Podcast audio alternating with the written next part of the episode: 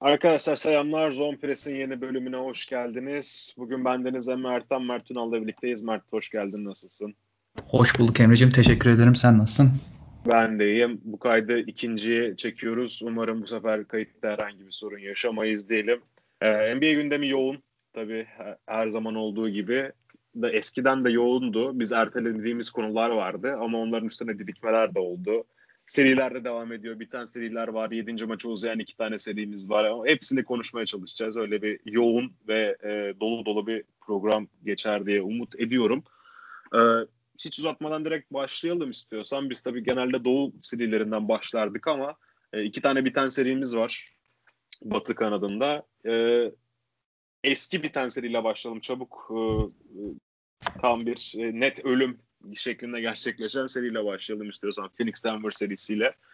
Yok bir Chris, bir, bir Chris Paul alkışı gerçekten yine bu sefer hak ediyor. Evet. Yani geçtiğimiz iki seride de hem Lakers serisinde hem Denver serisinde de ben Chris Paul'u hafife almışım. Kendisinden özür diliyorum öncelikle. Bu kadar hafife aldığım için hem Lakers geçer hem Denver geçer demiştim ama beni göt ettiği için kendisine e, olan saygım saygım zaten vardı. Sadece yeteceğini düşünmüyordum hem yaşının etkisiyle hem de oyun stilinin etkisiyle ama yani gerçekten böyle bir nakış gibi işleme, böyle bir kan alma orta mesafeden uzun zamandır görmedik. Yani dördüncü, üçüncü maçta ya da dördüncü maçta yani attığı 37 sayı üçlük yok ve orta mesafeden yani yok etti Denver savunmasını her şeyiyle. Tabii önce e, şeyden başlayalım istersen. E, elenen taraftan başlayalım. Onların e, selasını okuyalım.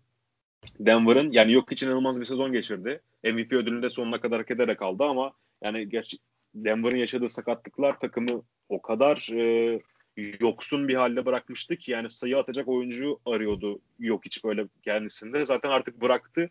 40 sayılar havada uçmaya başlamıştı zaten yok için playoff serisinde kendisinden çok görmediğimiz bir şekilde. Bir asistle maçlar bitiriyordu. Ee, Portland serisinde e, Austin Rivers ve Facundo Campazzo her ne kadar e, iş yapmış olsa da yani Phoenix'e karşı aslında yürümeyeceği o ikilinin belliydi çünkü yani gerçekten skor yükünü çekecek bir insan arıyordu. Michael Porter Jr. da yani ikinci maçın devre arasından sonra sakat belle oynadı zaten kronik sakatlığı. İlk sezonu çaylak sezonu kaçırmasına sebep olan sakatlıktı. Olmadı sakatlıklar sakatlıklar. Denver iyi bir nüveydi yani özellikle Aaron Gordon sakasından sonra oynadıkları basketbol bana final adayı olduklarını gösteriyordu ama bu sene olmadı. Sen ne dersin? Önce Denver'la başlayalım sonra Chris Paul'u ve Phoenix Suns'ı övmeye devam edelim. Ben e, şöyle bir karşı çıkmayla gireyim söze. Şimdi Denver'da bir skorer eksikliği hissedilme konusunda bu takımda skorer olsaydı bile yani bu takımın savunmada o kadar e, temel eksiklikleri vardı ki ve o, yani onlar o kadar çok bu e, Phoenix serisinde kendini de gösterdi ki yani Phoenix zaten e, aşağı çıtayı 120'ye e, çekti bu seride ve e, attıkları en az sayıda hatırladığım kadarıyla 116. Yani sen ne kadar iyi skorerin olursa olsun, ne kadar iyi hücum yapıyor olursan ol eğer ki senin savunmada yediğin en az sayı 116 ise yani o seriyi hani bir maç kazanırsın, iki maç kazanırsın ama o serinin kendisini kazanabilme konusunda çok ciddi sıkıntılar çekersin.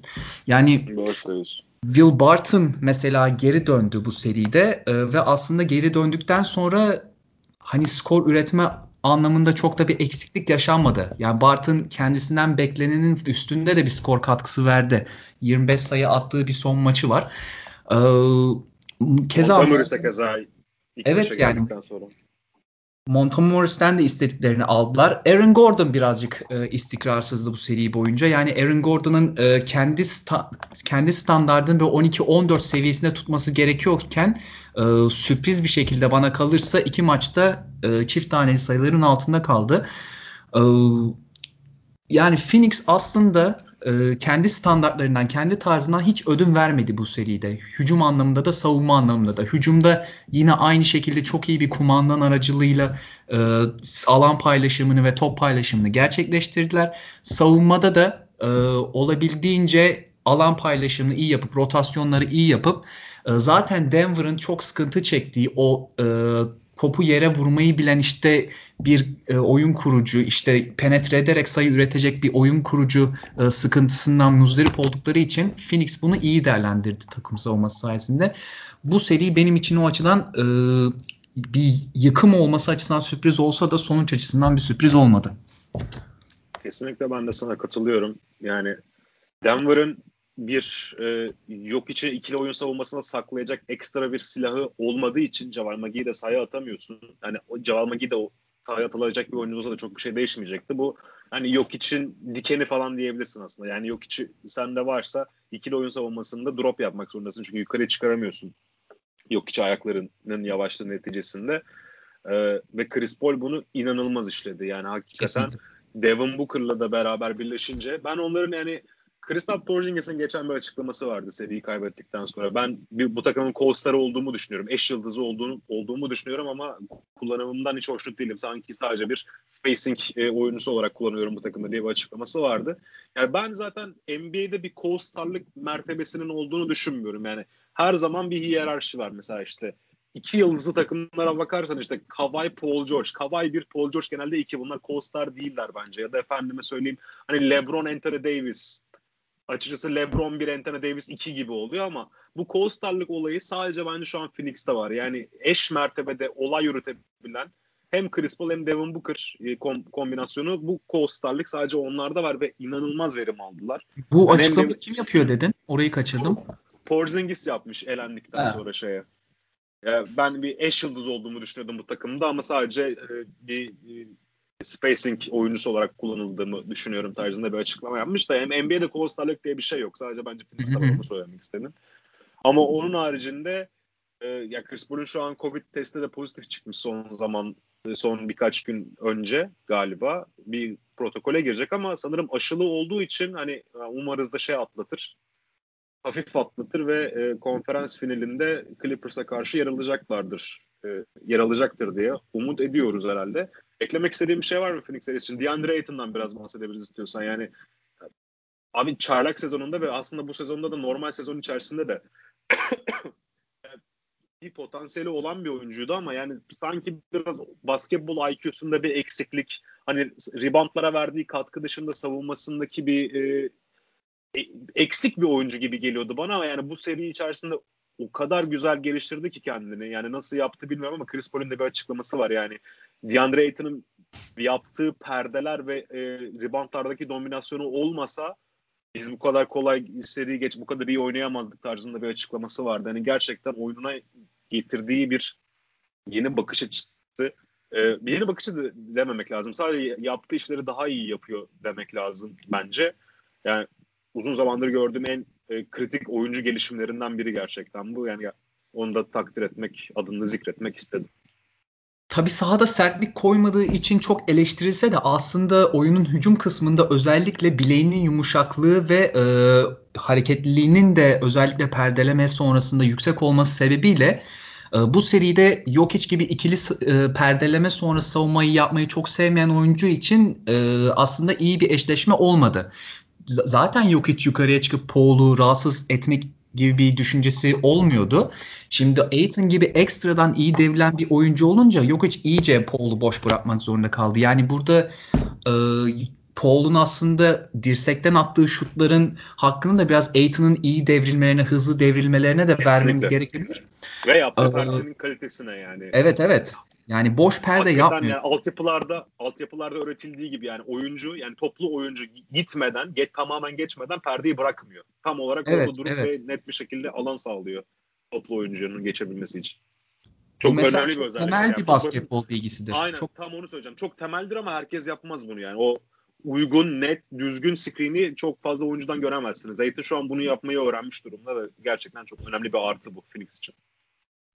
Ee, bu seri öncesindeki genel kanı yok için tabii Aiton'ı harcayacağı yönündeydi özellikle ikili oyunlarda. Benim de öyleydi. Benim de öyleydi açık. Evet mantıklı da bir argüman ama e, şunu da gözden kaçırmamak gerekiyordu. Şimdi Aiton'un fiziğiyle oynamayı sevmemesi aslında burada şöyle bir avantaj sağladı. Şimdi zaten Denver e, topsuz alanda yani elindeki 5 doğrultusunda çok iyi değildi. E, ekstradan Phoenix yerleşimi çok iyi yapıyor. Rotasyonu çok iyi yapıyor. Yardım savunmasını çok iyi yapıyor. Dolayısıyla Aiton'un zaten e, ekstradan çok fazla böyle birebir savunma yapmasına gerek yoktu. Hani fiziğini kullanarak. Fiziğini kullansaydı eğer Jokic Portland serisinde Nurkic'e yaptığı gibi çok faul problemine sokabilirdi Aiton'ı. Ama Aiton bundan hiç e, sıkıntı çekmedi. Ve sahada uzun süre kalmasına da yardımcı oldu.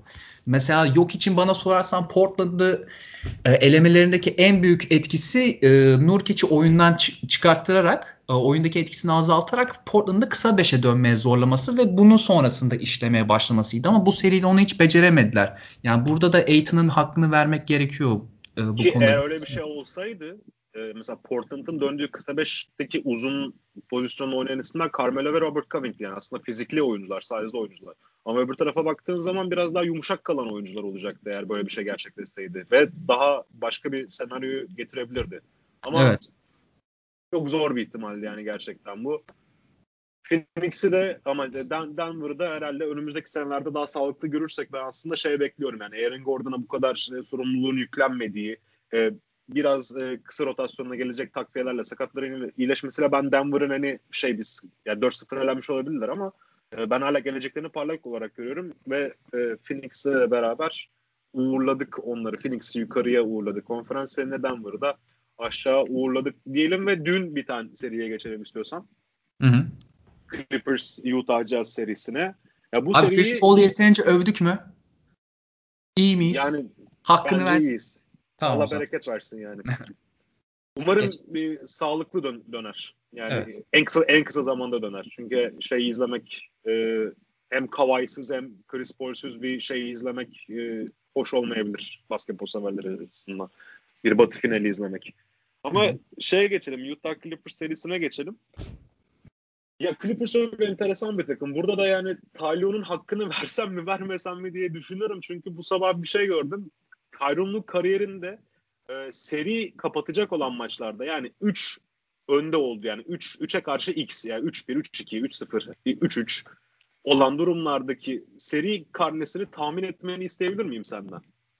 Seri kapatmasını istediğimiz yani üçlü öne geçecek. Aynen üçlü öne geçecek. 3-0 da olur, 3-1 de olur, 3-2 de olur, 3-3 de olur. Hepsi bu durumlardaki seri karnesi. Abi zaten kaç tane böyle serisi oldu yani ne diyeyim? Şu, onu da hesaba katalım hadi.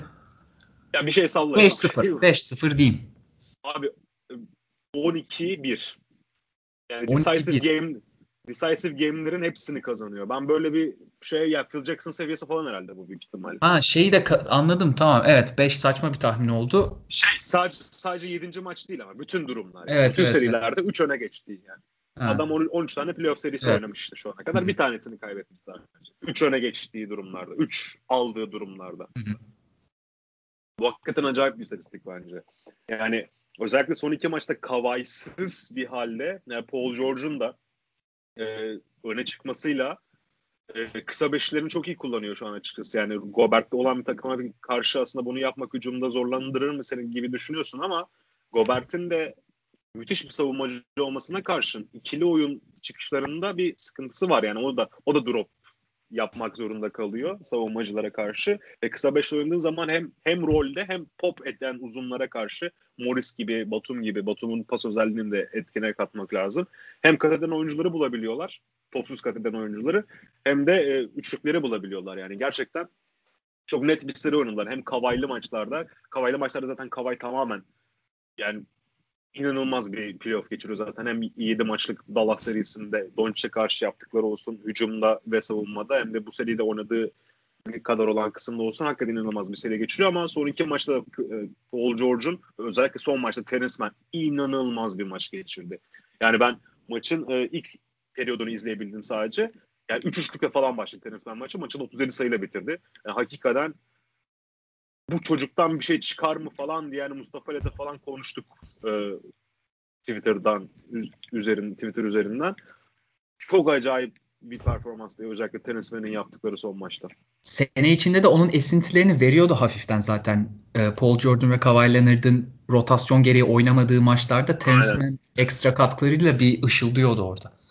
Yani geç geç oynatmaya başladılar onu da keza. Bu, kadar, bu kadarını ver, veriyor muydu bilmiyorum. Yani son altın 5. maçta yaptığı katkıda ben şey gördüm. Ya bu çocuk işte ileride e, NBA'deki 30 takımın 30'unda da e, bir dördüncü, beşinci, altıncı adam rolünü çok güzel bir bağlayıcı tutkal mı dersin artık ne dersin bir bağlayıcı rolünü çok net bir şekilde oynayabilecek bir oyuncu kıvamı verdi ama son maçta yaptığı 37 sayı 7 üçlük yani çok özel bir performanstı gerçekten. Çünkü bir maçın detaylı bakabildi mi bilmiyorum ama 25 sayıdan geri dönmüş e, Clippers son maçta zaten. E, ya tamamen Terence Mann üzerinden. Yani Ter- Terence Mann geliyor sana 6. maç kazandırıyor. Yine decisive game yani. Çok çok acayip. Evet.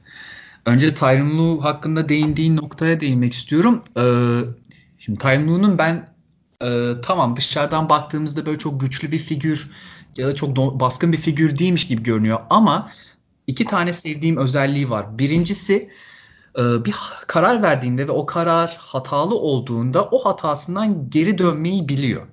Yani alternatifleri o kadar ba- bağnaz değil evet. O evet yani alternatiflerini denemek konusunda şey değil, tutucu değil, muhafazakar değil. Ee, ikincisi de ya aslında ya yine Be- Beverly'yi kesmesi, e, kullanıp kesmesi, Rondo'yu tamamen dışarıda bırakması gibi evet. şeyler sayabilirsin aslında yani. Bunlar önemli kararlar oldu. Şimdi Beverly'yi mesela geri soktu. Donovan Mitchell işte dış oyuncuları şu an çünkü Utah sadece dış oyuncuların üzerine kalmıştı Conley'de yokken.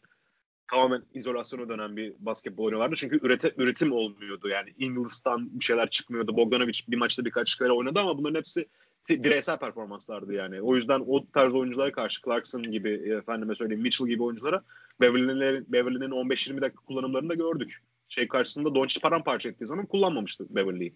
Evet yani Rondo mesela Dallas serisinde oldukça kilit bir rol oynamıştı. Bu seriyi oynatmamayı tercih etti. Çünkü do- doğru olan buydu. Ha doğru Hı-hı. olan bu olmayabilirdi ama bunu denemesi de güzel. Ki bana sorarsan Dallas serisinde mesela Zubats'ı Doncic'e vermesi ilk başlarda çok da kötü bir hamle değildi. Çünkü daha önceki eşleşmelerini baz aldığında Zubat aslında Doncic'i iyi savunuyordu. Ama Doncic'in orta mesafesini geliştirmiş olması ve çok ekstra bana sorarsan dış şut sokmuş olması işleri birazcık değiştirdi.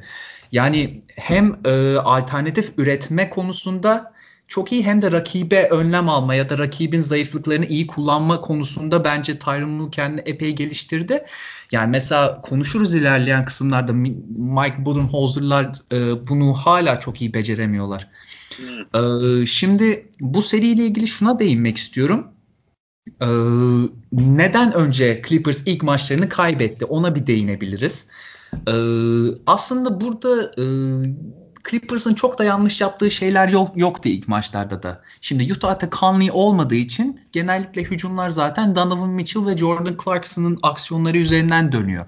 İlk iki maçta bu iki oyuncunun %50 saha içi isabetin üzerinde tutturmuş olması zaten Utah'ın isteyeceği en iyi senaryo ve Clippers'ın da istemeyeceği bir senaryo. Şimdi sen Donovan Mitchell'ın 40 sayı atmasını isteyebilirsin rakibi olarak ama %40'la atıyorsa bu 40 sayıyı açıkçası bunu alırsın yani. Bu hoşuna Aynen. gider senin. Ama %50'nin üstüne çıktı mı sıkıntı var.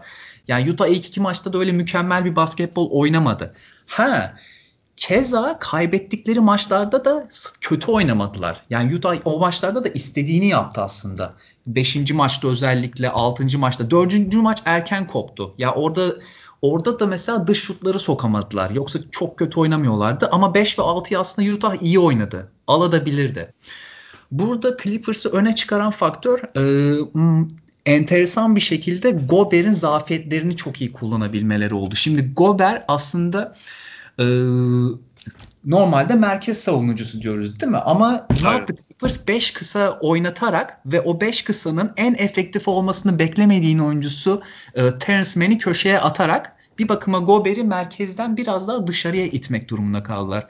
Şimdi Utah'ın dış savunmacıları o kadar iyi değil birebir savunmada. Ayaklarını çok iyi çekemiyorlar. Clippers bu seride e, benim beklediğimin aksine iyi deldi e, ortayı. Penetreleriyle iyi deldiler ve dışarıdaki boşluğu, dışarıdaki şutörü hep iyi buldular. O ya tenis... Hem penetrelerle hem topsuz katlarla. Ben topsuz katlarını da çok beğendim. Evet, evet yani bir hareketlilik var. Be- benim beklemediğim bir şeydi. Ben Clippers'ın çok sabit oynadığını düşünen bir insan olarak bu seride mesela onu tam tersine çevirdiklerini gözlemledim. Ve e, tamam Clippers zaten çok iyi şut atıyor. Son maçta %50 ile üçlük attı. İnanılmaz bir seviye. Ama burada önemli olan kendi e, prensiplerinin dışında çeşitlilik yaratarak bunu becerebilmiş olmalarıydı. Aynen. Ve rakibin zafiyetini kullanarak yani dribbling penetre ediyorlar. Gober'i üstlerine çekiyorlar. Dışarıda Terence Mann'i boş buluyorlar. Yani başka bir maçta atamaya da bilirdi ve elenebilirlerdi. Ama sonuçta bu, bu doğrusu buydu ve bunu başardılar. Ha yani 6. maç öyle bir maçtı ki abi bir ara şöyle bir sekans vardı. Of, böyle son 3 dakika falan vardı son çeyrekte. Farkta 4 sayı mı neydi? Clippers öndeydi. Ama öyle bir şey oldu ki Reggie Jackson Gober'in üzerine gitti. Üzerinden şey attı, turnike attı. Gober'in sıçramasına rağmen. Beverly bir üçlük attı. Boş. Sonra Beverly el üstünden bir üçlük kaldırdı attı. Süresi olmasına rağmen.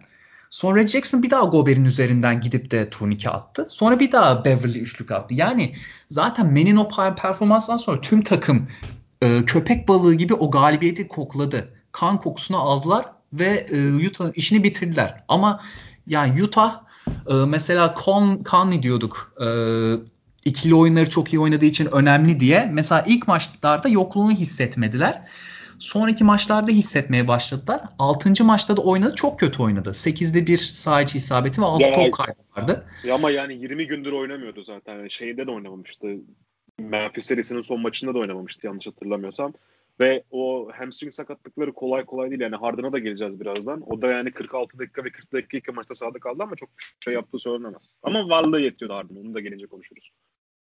İşte mesela Kamli'de de belki öyle bir varlığının yetmesi durumu söz konusu olabilirdi ama e, mesela top kaybı yapmadan 8'de 1 atabilirdi. Ona bir şey demezdim ama 6 top kaybı Utah gibi bir sistemde yapmaman gerekiyor.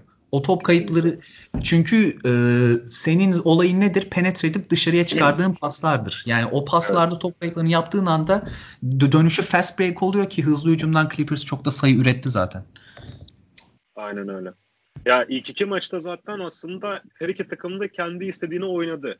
Yani Utah genel o işte e, drive and e, penetre pas oyununu bir yerde oynamaya çalıştı. Özellikle ilk maçta. Ben ilk maçta fena bulmadım onları. İlk maç zaten bir blokla bitti. Ya belki de Clippers kazanırdı. Yani her iki takım da evet. kendi oyununu oynadı. Bir sondaki işte Gobert'in bloğuyla yanlış hatırlamıyorsam Morris'e yaptığı blokla o maçı öyle kazanmışlardı. İkinci maçta o sistem biraz aksamaya başladı. Çünkü daha iyi bir savunma yapmaya başladı ve hücumda da Clippers verimli oluyordu aslında ama Donovan Mitchell'ın ikinci yarıdaki inanılmaz performansı zaten o maçı kapatan etken oldu. Ama sonraki dört maçta hem Conley'nin yokluğu birleşti.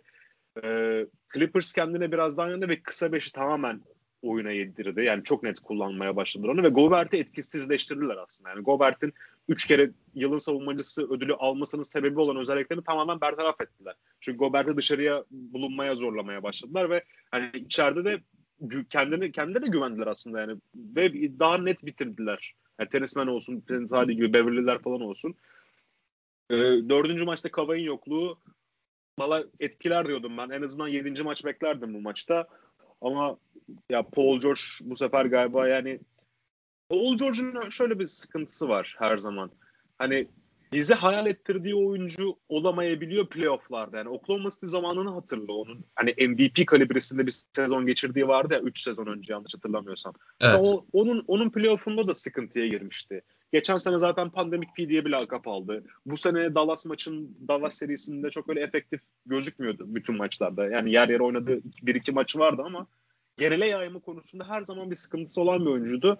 Ama kendini galiba ilk defa bana en azından yani bilmiyorum başkaları ne düşünür ama ya bu seride Paul George Paul George gibi oynadı diyebiliyorum ben ilk defa. İlk maç dışında. Yani ilk maçı aynen, aslında aynen. evet Paul George iyi oynasaydı ilk maçı da kazanırdı Clippers diye şey yapabiliriz. Ee, bir de şey oldu işte ben bahsettim ya Mitchell'ın %50'nin üzerinde atması. Mesela Mitchell'ın da verimliliği düştü 3. maçtan sonra. O da zaten onun da bilek, sakat, bilek e, sakatlığı var. Bilek miydi? Ayak bileği ya da diz mi? Tam diz, hatırlayamadım diz ama onun da, onun da bir sakatlığı vardı zaten. Bir maç o da Memphis serisinde oynamamıştı.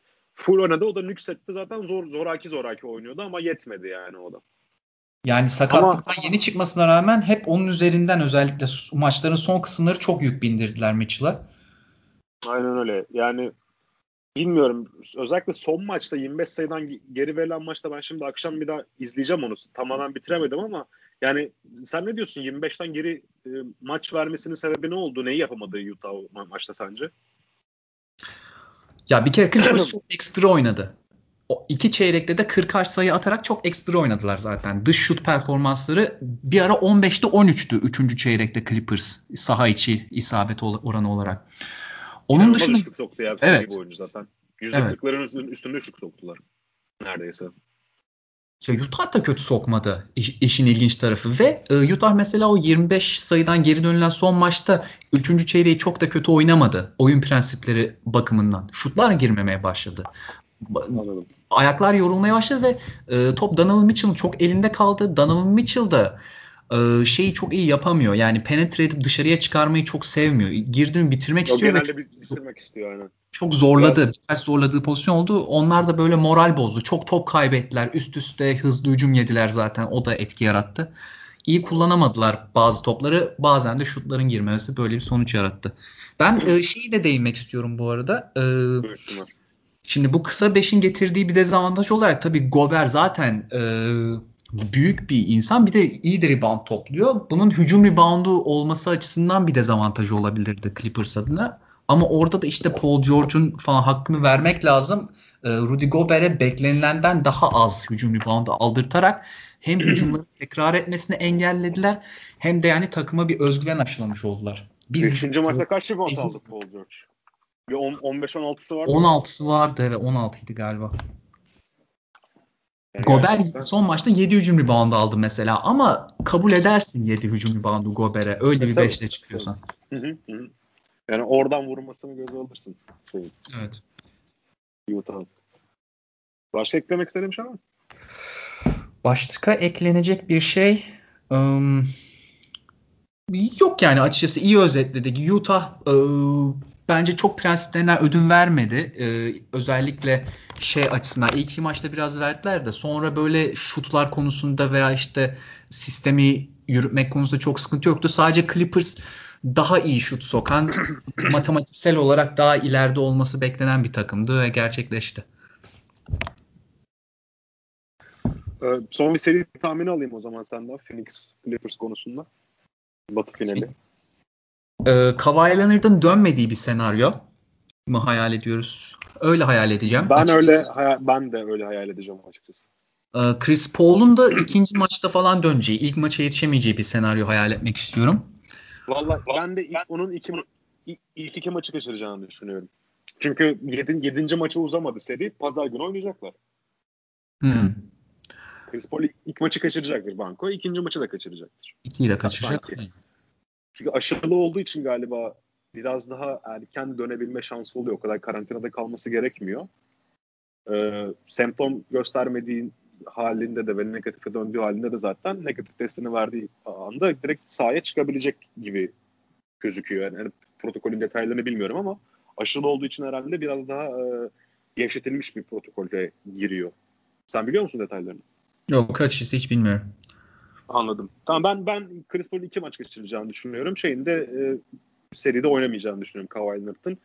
Tahminimi ben söyleyeyim. Sana, sana topu bırakayım. Ben 4-2 Suns diyeceğim. Yani Phoenix'i Utah'la kıyasladığında çünkü, çünkü bak bir şey değil mi? Bu sefer Hı. bu sefer Chris Paul'u karşıma almak istemiyorum. Chris Paul'u ve Phoenix'i. Yani iki, ikidir beni göt ettiler. Üçüncüye artık tamam saygı duyuyorum ve size veriyorum diyeceğim. Çünkü Kavay da yok karşı tarafta. Ya ben de öyle bir e, eğilim içerisindeyim ve Clippers'ın ne olursa olsun bu 5 ve 6. maçlardaki ekstrem performansının tekrarlanacağını bir iki maç tekrarlarında seriyi kazandırır mı emin değilim. Terence Mann çıkıp bir daha 37 atar mı? Bir de Phoenix daha iyi bir e, şey takımı. Hani nasıl desem Tamam Utah'ta mesela Gober var atıyorum. Merkezi savunuyor diyorsun ama Phoenix daha iyi bir e, yardım savunması takım bana sorarsan. Rotasyonları daha yapıyorlar. Bu kadar kolay avlanmayacaklardır diye tahmin ediyorum. Ve Hücumlarında e, da hakeza yani şimdi Chris Paul'un yerine Cameron Payne oynayacak. Tamam aynı kalibrede oyuncular değil de Cameron Payne de az buz oyun yönlendiricisi değil yani. Sezon içerisinde ve e, Phoenix e, Lakers serisinde yaptıklarını unutmayalım. Tabii Cameron tabii. Ve yani e, ona ona biçilmiş yani, rol içerisinde gayet iyi bir oyuncu Cameron Payne. Evet ve nokta şutörleri bulmak konusunda hiçbir sıkıntısı yok Phoenix'in. Yani Utah'la aslında aşağı yukarı aynı bir hücum sistemi. Bir, bir e, hacim düşük şut kaliteleri var. Ama Aynen. onun dışında atabiliyorlar. Ben ben de dolayısıyla Phoenix'in 4-2 kazanacağını Kawhi'nin olmadığı senaryoda söyleyebilirim. Kawhi'nin olduğu senaryoda da 4-2 Clippers derim. Ya ben de 4-2 Clippers. Aman ha, Kavay'ın olduğu senaryoda 4-2 Clippers. Bir tanesini Evet. seç. Hep öyle yapıyoruz. Bir tanesini seç. Tabii tabii. Ya, ben e, 4-2 Suns diyeyim o zaman buna.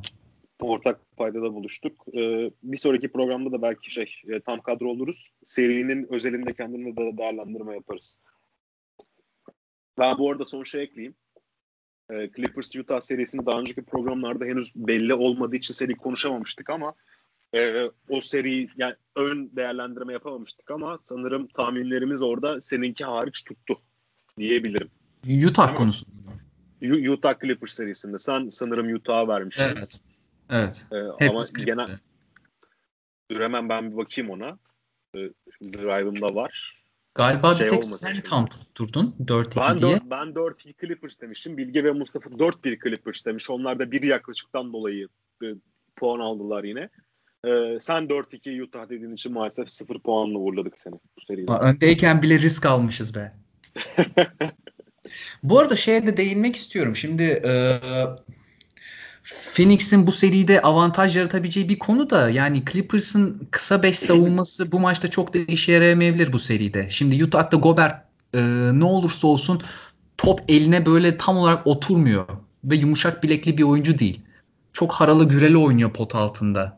Yani Aitons'a oralarda yumuşak bileği hızlı devrilmesi falan çok sıkıntı çıkarabilir şeye Clippers'a. O anlamda da bir avantajları var diyebiliriz. Ya ben aslında kısa beşlerinin burada o kadar sorun yaratacağını düşünmüyorum. Çünkü ikili oyunlarını switchledikleri zaman Chris Paul'a o şeyleri vermeyebilirler. Ee, orta orta mesafede elbow'da bulduğu boşlukları bu sefer vermeyebilirler. Ama oyun akışı içerisinde Suns'ın çok fazla sorun yaşayacağını düşünmüyorum. Yani Chris Paul'e switchlesem bile o bir şekilde Evet. çünkü ikili, ikili oyun sonrası e, dirsekten e, forvete doğru çıkıp üçlük attıklı, attıklı pozisyonlar falan da var. Yani klasik Chris şutu yani. Orta mesafede boşluğu bulamıyorsa iki adım geri atıp orada birkaç dribbling üzeri şut atıyor falan. ee, Devin, Devin Booker'ın verimli olacağını düşünüyorum.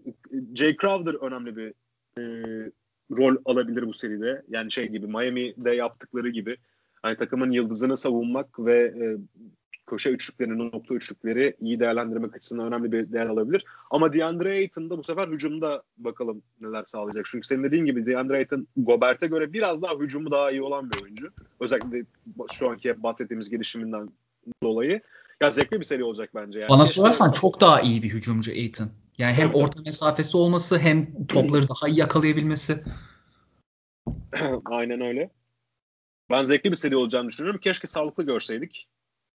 Ee, ama dediğim gibi yani Clippers da geçse de şaşırmayacağım. Kavay olmamasına rağmen. Ama ben bu sefer Chris Paul ve Suns'ı karşıma almak istemiyorum ve kağıt üzerinde daha iyi bir takım olduklarını düşünüyorum. Daha iyi oyunculara sahip değiller ama daha iyi bir takım olduklarını düşünüyorum. Oynadıkları oyun ve e, roller, rol biçimleri gereği. O yüzden Suns'a vereceğim bu seriyi. Geçelim e, şeye, Doğu'ya. Evet. Or, orada da inanılmaz seriyi istiyorsan sona bırakalım. Daha az inanılmaz de, devam edelim. Hangisi? Anlamadım hangisini söylediğini açıkçası. İkisi de şey yani. Ee, yani e, spot ışıklarını kendi üstünde tutan seriyi sona bırakalım. Yani Brooklyn Milwaukee'yi. Ee, ama öbür tarafta diye hakikaten çok e, özel bir seri geçiyor. Philadelphia Atlanta açısından. Yani Philadelphia tepside sundu seriyi Atlanta'ya iki kez. Atlanta bir kez şu an abi ben almayayım bu sefer siz buyurun belki yedinci maçta almak istersiniz dedi. Seri şu an yedinci maçta ve pazar günü akşam büyük ihtimalle. Çünkü pazar günü e, bize göre e, akşam saatlerinde e, ilk şey var. E, Clippers serisinin, Clippers Sun serisinin ilk maçı var. E, gece saatlerinde de şey oynanacak. E, Atlanta Philadelphia'nın 7. maçı oynanacak. Hmm, doğru Enteresan bir durum oldu. Şimdi orası da 3-3'e geldi. Ben Hawks'ı ön plana çıkarmıştım. Bilge'yle beraber biz 4-2 Hawks'ın çıkacağını düşünüyorduk ama sen ve e, Mustafa 4-2 ve 4-3 olmak üzere e, Philadelphia'ya vermiştiniz. Ne bekledin ne buldun bu seriden?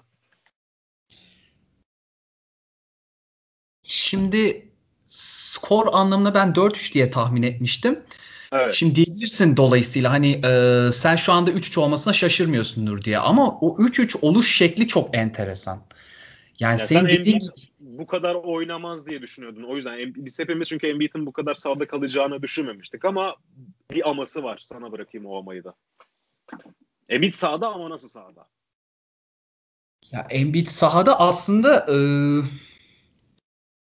Philadelphia'nın oyun sistemi içerisinde Embiid istediğini yine yapabiliyor. Yani Capella'yı aslında e, ben, benim beklediğimden daha çok ekarte edebildi. Ama sorun Embiid'in bir çökmeye başladığında o toparlanma emallerini hiçbir zaman gösterememesi ve maç boyunca o e, çöküşe devam etmesi. Yani ben bunun Washington serisinde de değinmiştim.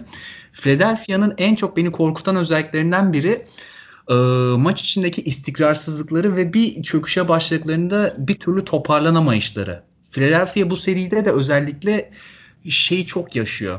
Yani mesela maça tutun, tutunuyor ama hep böyle e, bir seri yakalayarak tutu, tutunuyor mesela. Hani sürekli Sen iyi basketbol şeyi oynayarak... hissediyorsun. Ya Atlanta geri dönecek. Onu hissettiriyor sana. Bunu Philadelphia kalibresinde bir takımın vermemesi lazım. Özellikle Atlanta seviyesindeki. Özellikle Atlanta evet yani. Ya Atlanta kötü bir takım demek istemiyorum. Atlanta gerçekten çok iyi bir takım ama abi tecrübesizler yani. Takımın en tecrübeli oyuncusu. Fizik olarak ezilen bir takım baktığın zaman tek tek düşündüğün zaman fizik olarak ezilmesi gerekiyor. Yani Bogdanovic NBA seviyesinde buraları oynamadı. Yani bir Capella'nın bir konferans finali var. Bir de Gallinari'nin yaşından ötürü getirdiği ve hakikaten iyi bir oyuncu. Yani şimdi ayakları çok hareket edemiyor yaşından ötürü ama yani playoff'ta her takımın isteyeceği bir oyuncudur ama başka oyuncu yok ki. DeAndre Hunter da gitmiş zaten. Çaylak olmasına rağmen çok iyi bir sezon geçirmişti ve e, oynadığı ilk seride kötü de bir sıkıntı yaratmamıştı ama e, o menisküs yırtığı vardı onda da yani sezonun yarısından fazlasını kaçırmasına sebep olmuştu. Şimdi yükseltti ve playoff'u da kapattı zaten. Hani Cam Reddish zaten yok. Yani versatil kısaların, for, özür dilerim, forvetlerin zaten hiçbiri yok. Hörter'i koymak zorunda kalıyorsun. O da eksi yazıyor bence bu arada. Ona rağmen buraya kadar geldiler. Yani Trey Young'ın ekseninde inanılmaz işler yapıyorlar. Yani Philadelphia klasmanındaki bir takımın, final adayı, şampiyonluk adayı bir takımın seriyi buraya kadar bırakmaması lazımdı. Ki zaten benim playoff başında şampiyonluk adayımdı. Final, final e, finalist adayımdı. Doğudan çıkmasını beklediğim takımdı. Ama benim gördüklerim çok farklı şeyler şu an maalesef Philadelphia'da. E, ilk Sen maçta sonra ben toparlayayım. İlk maçta zaten aslında Philadelphia şeyin e, e, sinyalini verdi gibi. Biz hayvan gibi üstünüz bunlardan fizik olarak da basketbol olarak da. Maçın başında o farkı yememizin sebebi Atlanta'nın çok fazla şut sokmuş olmasıydı ama bir daha böyle bir gün olmaz. Biz e, bir oynamaya başlarsak bu seriyi geçerizin sinyalini ben ilk maçta aldım yenememelerine rağmen. O bir sürprizdi ama sonrasında bakıyorsun yani son iki maçlarında e, 18 sayı ve 25 sayıydı sanırım öne geçiyorlar ve sonrası tamamen bir çöküş ve hiçbir çözüm Aynen üretemiyorlar. Yani şey, çünkü... 4. ve 5. maçta 6'da değil. 4, 4 ve 5'te. Son, son 3 maçın ikisinde. Yani Lou Williams zaten 13 sayı atabilir, 15 sayı atabilir. Bundan normal bir şey yok. Seri de Abi bence bundan normal bir şey var ya. Sene 2021'de yani Lou Williams'ın gelip sana maç kazandırması çok enteresan bir şey. Ha işte maç kazandırması anormal olan. Seri yaptırabilir ama sen bu seriye nasıl cevap veriyorsun? Sen karşına Lou Williams'ı alıp da hücum edebildin mi? Etmeyi denedin mi? Ben göremedim Yok. onu. Yani Yok. yine aynı kalitesiz hücumlar. Yine böyle saçma sapan zorlamalar. Hani Lou Williams dediğin adam sana 10 attırıyorsa 15 yedirecek bir adam normalde. Yani bunu nasıl Philadelphia kendi avantajına çeviremedi ben hayretler içerisindeyim. Ya ilk iki maçta ilk, ilk maçta senin dediğine ben çok katılıyorum ki sonra onu takip eden diğer iki maçta hani Philadelphia şeyini koydu. Tabii. Embiid'le beraber e, ağırlığını ortaya gösterdi ve rahat iki galibiyet aldı aslında ikinci ve üçüncü maçlarda. Ama sonrasında ya ben hakikaten anlamakta çok zorlandım abi siz ne yapıyorsunuz yani. Bak mesela ikinci ve üçüncü yani Philadelphia'nın üst üste kazandığı iki maçta yaptıkları çok net bir şey vardı. Şimdi Philadelphia Ben Simmons gibi bir oyuncuya sahip olduğu için bunun dikenlerini biraz e, temizlemek zorunda. Çünkü e, Ben Simmons'ın savunmacısı her zaman off yapıyor. Yani bir mesafe bırakıyor. Ben Simmons zaten o kadar ikili oynayan, oyun oynayan biri değil genelde yönlendirici ve e, floppy'lerden yani e, topsuz katlardan üçlükle Stephen Curry ama e, Seth Curry gibi, e, Danny Green gibi oyuncular ya da Furkan Shaq Milton gibi oyuncuları genelde tepeden besleyen ve sonrasında devamındaki e, şeyleri geliştiren bir oyuncu.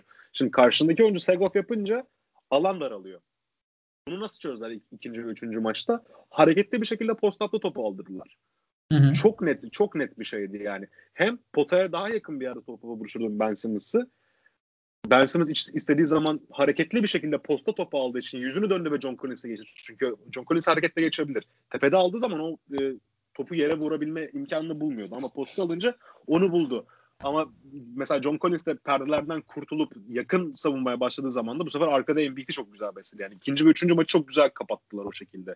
Ama Hı. sonrasında ya Atlanta oyunun bug'ını buldu ve Hake Ben Simmons yaparak bir oyunu kitledi yani resmen. Yani ge- geliyor Ben Simmons'ı direkt topu aldığı zaman faal yapıyorlar. Bu arada yeni bir şey öğrendim ben. Ee, bilmiyorum sen biliyor muydun da periyodun son iki dakikasında topsuz oyuncuya faal yaptığın zaman atış olmuyormuş. Bunu biliyor muydun? Yok bilmiyordum. Yani şey hatırla 6. 5. dakikalarda falan yapmaya başlıyorlardı Hake Simmons'ı. Hmm. So, son, iki, son iki dakikada eğer top elinde değilse oyuncunun faal yapınca atış olmuyormuş. Onu NBA öyle bir kural getirmiş. Bu heke olaylarını şey yapmak için. Engellemek e zaten için. böyle bir durumda Philadelphia 4'e 4 oynuyor gibi oluyor. Hatta 4'e 5. 4'e 5 oynuyor zaten. Bu da onun sıkıntısı. Yani ben şeye çok şaşırdım. Yani özellikle şeyde 5. E, maçta yani 25 26'dan 27'den maç verdikleri şeyde kısımda. Yani o maçı Embiid inanılmaz başladı zaten. Hani 9'da 9'la başladı. 17 sayı, 8 reboundla falan girdi. 3. periyodun ortasında fark 27'lere çıktı. Seth Curry oynuyor. Ben Simmons verim alıyor. Heke'ye başlamamışlardı o zaman. Furkan oynuyor. Hani Danny Green'in yokluğunu aratmıyorlar. Shake Milton falan geliyor bir şeyler yapıyor. Bir maç aldırdı falan ama abi ondan sonra yani bir anda yani bu yeni basketbolun sıkıntısı bu zaten. Bir anda fark kapanabiliyor. E, Atlanta bir 15'e 2'lik seri yaptı. Mal oldu Philadelphia o anda. Yani son periyoda, son periyodun son dakikalarına farkı 10 sınırına getirdiler ve Hackeson'ın yapıp maçı bitirdiler. Ya ben böyle bir şey görmedim hayatımda. Koskoca Philadelphia 26 sayıdan öndeyken maçın bitmesine 8 dakika var. Fark 15 iken Ben Simmons'ı sağda tutmak zorunda mısın sen mesela? Kapatamaz mısın o maçı George ile? George ile niye aldın o zaman sen? Shaq Milton'la maçı kapatamaz mısın? E niye tutuyorsun sahada? Ben Doug Rivers'ı o, o konuda hiç anla, anlamlandıramadım yani. Orada bir ya eksi yazdı bana. Milton, Shaq Milton'ı oynatmamasını anlarım. Çünkü Shaq Milton birazcık böyle Salık özellikle maçta evet. öndeysen salık bir adam yani. Çok bencil bir adam ama George Hill gibi kontrollü bir gardı oynatırsın. Simmons kadar savunma yapmıyor ama kötü Niye savunmacı değil Boşuna mı verdin iki tane ikinci tur bir tane bir ne verdiysen artık Oklahoma bir, bir şey almıştır bir şeyler almıştır George'dan. Niye aldın o zaman? Ekstradan sana nokta şutör katkısı da sağlayabilir NBA'de getirilen ikili sıkıştırmalarda. Aynen öyle. Çok sıkışırsan. Ya Philadelphia'nın bu oyununda da şey sıkıntısı var. Embiid bir e, rolman olmadığı için yani devrilen bir oyuncu olmadığı için sürekli post-up'ta top istemek zorunda kalıyor. Yani genelde Philadelphia'nın ikili oyunları topsuz ikili oyunlar oluyor. Şeyi hatırlar mısın? Ömer Aşık'ın prime olduğu dönemlerde Chicago Bulls'ta Kyle Korver'la yaptıkları ikili oyunlar vardı. Evet. Yani topsuz koşuyla Kyle Korver Ömer'in screeninden çıkardı. Ömer devrilir hemen Kyle Korver'da şutu bulamazsa direkt içeri bırakırdı. Evet evet. Şimdi burada da benzerini görüyorsunuz mesela. Seth Curry çıkıyor topsuz katla dışarıya. Ben Simmons'tan topu alıyor. Üçlüğü varsa üçlüğünü atıyor ki genelde çok iyi attı. Ama yetmiyor işte bir yerden sonra. Çünkü top Ben Simmons'ın eline gelmek zorunda kalıyor hücumda. Bir yerde. O zaman da faal yapıp oyun duruyor. Normal anlarda da Embiid oradan post-up'tan işledi. Yani ikili sıkıştırma falan da nafile oldu. Ama mesela işte senin dediğin çok doğruydu. Dördüncü maçta sanırım 12'de 0 attığı maçta ikinci yarıda abi hiçbir şey yapmadın. Ya. Atma abi o zaman. Yani seriyi veriyordun. Yani son maçta son maçta gittili geldili oldu. Bence biraz şansa kazandılar. Çünkü e, Trae şutları buldu. Birkaç salakça top kaybı birkaç salak, salakça top kaybı yapmasa o maçı alabilirdi ve seriyi kapatabilirdi Atlanta. Ya Atlanta şu durumda bu seriyi kapatmamalı abi. Yani sen Philadelphia'sın ya. Yani bir, kurmuşsun yapını kurmuşsun tamam biraz defolu bir yapı ama var. Karşı tarafta Yanis'in ne bok yediği belli değil. Yani Harden yok, Kyrie yok. Yani kim çıkarsa oradan sen avantajlı olacaksın. Bundan daha iyi bir şansın var mı? Sen Atlanta'ya mı takılacaksın? Bu mu bu mu yani? E, bir daha söyleyeyim. Atlanta'ya inanılmaz saygı duyuyorum. Yani New York'u domine ettiler. New York gibi çok iyi bir normal sezon geçirmiş bir takımı domine ettiler. Belliydi gerçi. E, ve şimdi Atlanta gibi Doğu birincisi nacizane benim finalist adayım olan takıma karşı seriyi 3-3'e kadar getirmişler. 4-2 kapatabilirlerdi. Yani Philadelphia'nın bu olmaması lazım. Philadelphia çıksa bile Daryl Morey yaz, yaz sezonunda bir şeyler düşünmek zorunda çünkü böyle gitmeyecek yani. Normal sezonda Ben Simmons'dan bir şey falan çıkartabiliyorsun ama hani Ben Simmons'ın varlığı takıma getirdiği artıdan çok artık e, eksi yazmaya başlıyor. Özellikle bu tarz anlarda. Ya çünkü yani atamadıkça da atamamaya başlıyor abi. %30'la serbest atış atılır mı ya? Ya ben gitsem %50 ile atarım. Ben de çok iyi bir 3-4 değildim oynadığım zaman da. Ben gitsem %50 atarım yani abi. Çok psikolojik bir şey onunkisi. Yani normal sezonda %60 ile atıyor. Şu anda %28-30'lar. Yani sen basketbol oynarken bilirsin. Serbest atışta ilkini kaçırdığın zaman ikincisini az çok nasıl atman gerektiğini anlarsın. Biraz daha sert atmam gerekiyor dersin. Yumuşak atmam gerekiyor dersin. İkide bir atarsın en kötü.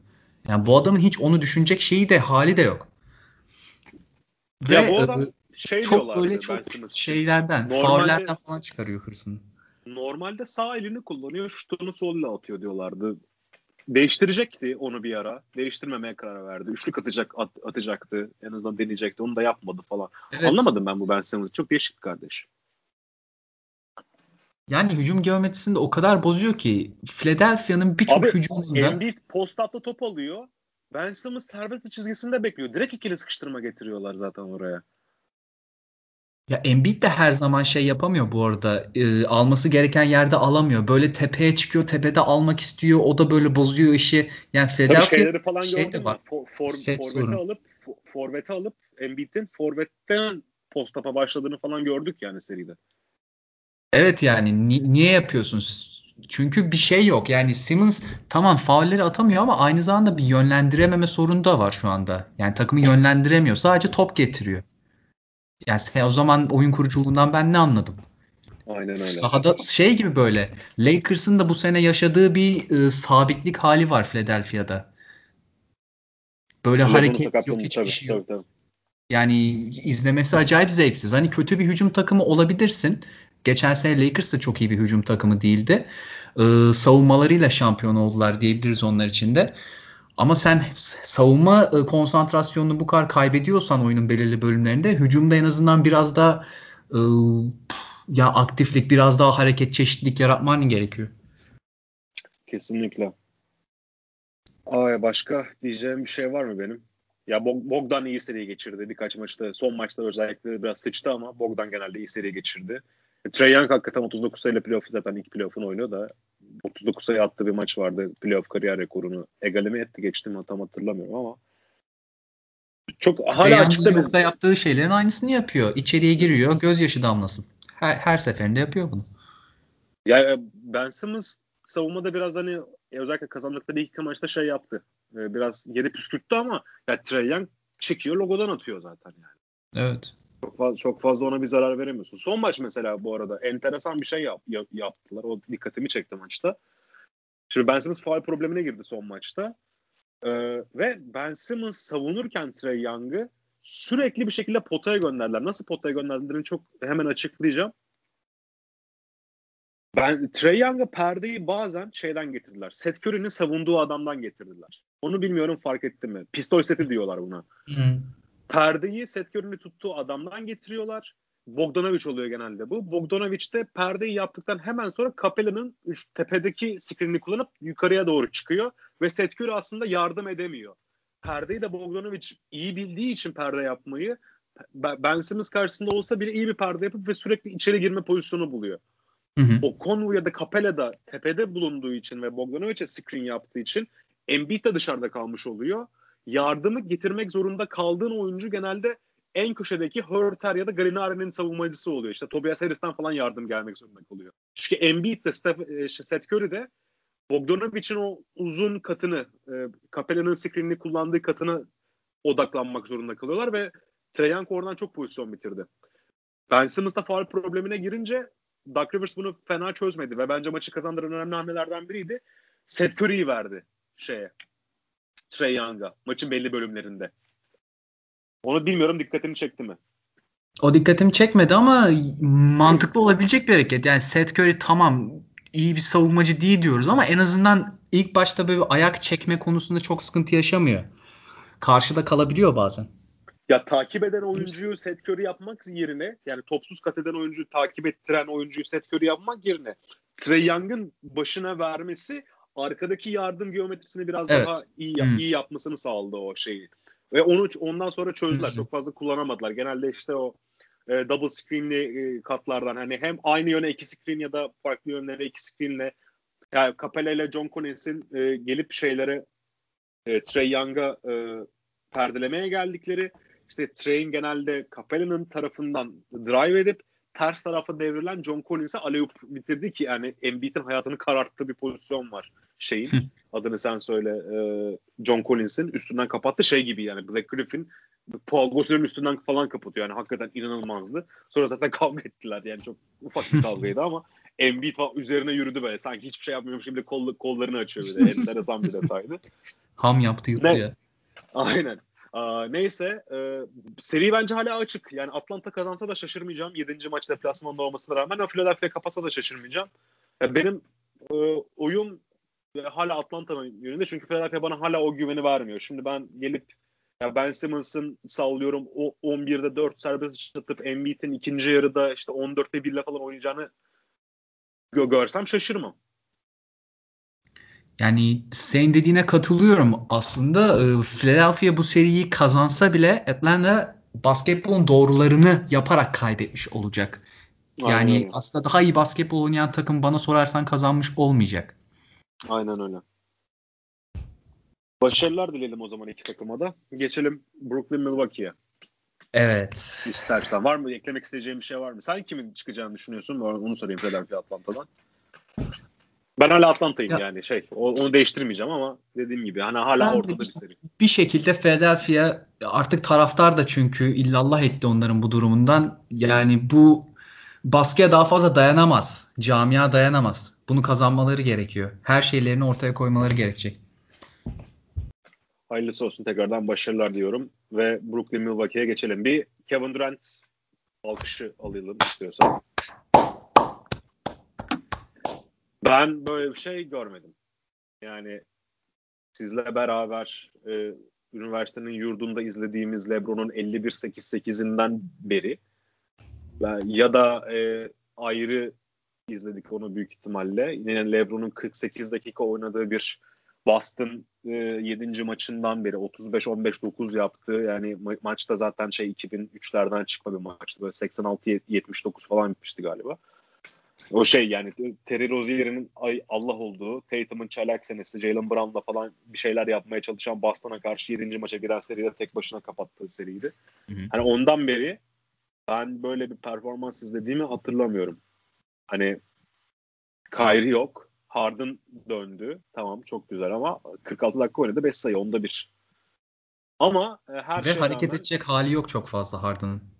E, abi hamstring yani şey, adım atmanı direkt engelliyor arka adele yani. Çok kolay bir sakatlıktan değil mi? Yani dönmediği çok belli yani. Hazır olmadığı çok belli. Sadece mecburiyetten. Bruce Brown'u oynatmamak için ya da Mike James'i oynatmamak için ardından rica ettiler. Yani onun yaptığı hakikaten çok saygı duyulası bir hareket. Sakat sakat oynadığı çok belli gerçekten. Ama her şeye rağmen sahada durmasının bir etkisi var.